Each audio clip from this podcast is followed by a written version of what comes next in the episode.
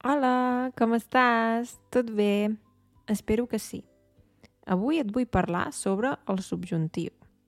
Ja sé que sona una mica avorrit, però intentaré fer molts exemples perquè entenguis uh, com es fa servir el subjuntiu.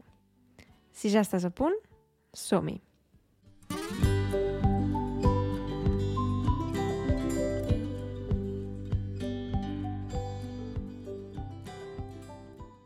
Fa unes setmanes vaig penjar un vídeo al YouTube demanant-vos de què volíeu que parlés. I una persona va dir, pots fer un episodi sobre el subjuntiu? I he pensat, per què no? sí, com sempre, a nivell de gramàtica o temps verbals, no us heu d'obsessionar amb el tema. No passa res si ho feu malament o si cometeu errors, és normal. Però és veritat que hi ha gent que té curiositat, vol saber com s'utilitza, per exemple, el subjuntiu. Si ja parleu, per exemple, castellà, us he de dir que l'ús del subjuntiu és bastant semblant. Per exemple, el fem servir per expressar un desig. Per exemple, quan diem que vagi bé per dir adeu, estem expressant un desig. Et desitjo que vagi bé o si volem dir-li a algú que li vagi bé un examen, que tinguis molta sort, que vagi bé, etc. Llavors podem fer servir el subjuntiu per expressar un desig. També quan volem expressar dubte. Dubto que vingui. Dubto que li agradi. No crec que li agradi. Etc. Llavors, quan volem expressar un dubte. Dubten que me'n surti. Dubten que me'n surti. Vol dir que no creuen o pensen que no me'n sortiré.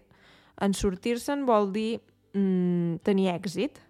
Per exemple, si fas una cosa molt difícil, és probable que la gent pensi que potser no te'n sortiràs. és probable que la gent pensi. Pot ser que la gent pensi. També veus que per expressar una possibilitat sovint fem servir el subjuntiu. Pot ser que no te'n surtis. Pot ser que passis fred. Per exemple, ara a l'hivern, si veig que una persona no va abrigada, per exemple, no porta abric i a fora fa fred, pots dir, ui, pot ser que passis fred vestit així, per exemple. Llavors, um, és una opció.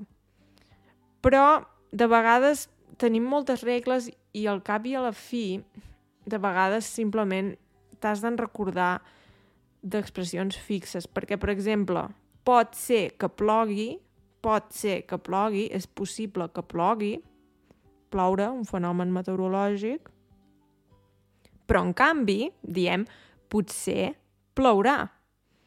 Potser plourà. Llavors, realment de vegades és una mica estrany.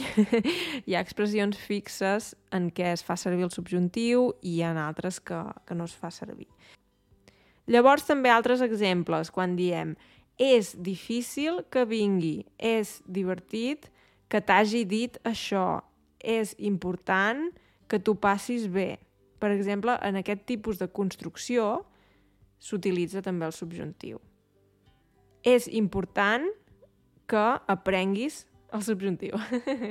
és important que, per exemple, és difícil que, és impossible que, per exemple, i llavors el subjuntiu.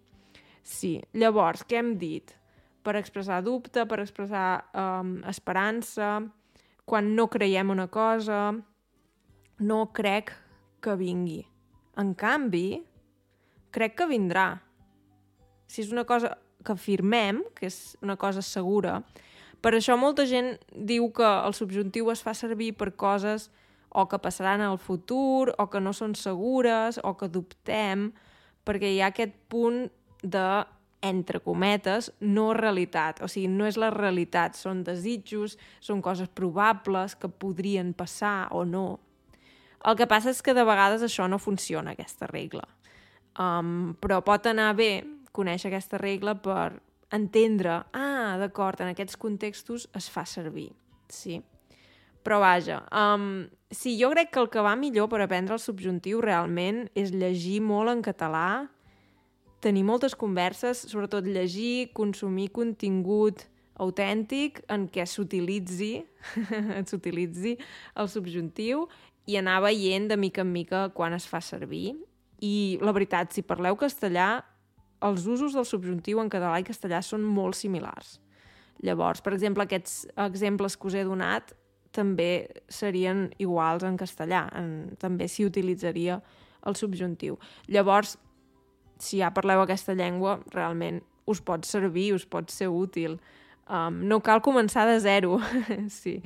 Llavors això també va bé a vegades i no obsessionar-s'hi, perquè realment, vull dir, sí, tots volem parlar bé, però el més important és comunicar-se i si vols realment aprendre el subjuntiu, fixa-t'hi. Para atenció quan llegeixis, quan facis aquest tipus d'activitats o quan estiguis, per exemple, escoltant un podcast. Ah, aquí ha utilitzat el subjuntiu. Ah, d'acord. I moltes vegades jo el que, almenys a mi, em passa és que quan aprenc una llengua, si una cosa es repeteix molt, ja l'incorporo automàticament. Per exemple, si algú diu què vols fer avui? És molt probable que l'altra persona digui el que tu vulguis, el que tu diguis. És un tipus d'expressió fixa en què s'utilitza el subjuntiu o, com tu vulguis. Vols anar a aquest restaurant o l'altre? Ah, a mi tant me fa, com tu vulguis. En aquest cas, per exemple, s'utilitza el subjuntiu i és una expressió fixa. Llavors això, quan, quan tens molt contacte amb persones que parlen català, automàticament ja ho incorporaràs. No cal que t'aprenguis tots els usos de memòria, d'acord? Espero que hagi sigut útil aquest episodi. La veritat és que hi ha molts més usos del subjuntiu, però jo sempre el que vull és que no us preocupeu, potser us aprengueu els usos més comuns i, i ja està. I de mica en mica, cada cop uh, n'aprendreu més i ja està.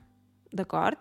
Espero que us hagi agradat aquest episodi. Si voleu que en faci un altre sobre el subjuntiu amb més exemples i més usos, em podeu deixar un missatge al canal de YouTube o enviar-me un missatge a l'Instagram. Tots dos es diuen Couch Polyglot, ja ho sabeu, i us deixaré l'enllaç del vídeo a sota, a la descripció. D'acord? Espero que estigueu bé i espero veure-us ben aviat. Molt bé, que vagi bé. Adeu!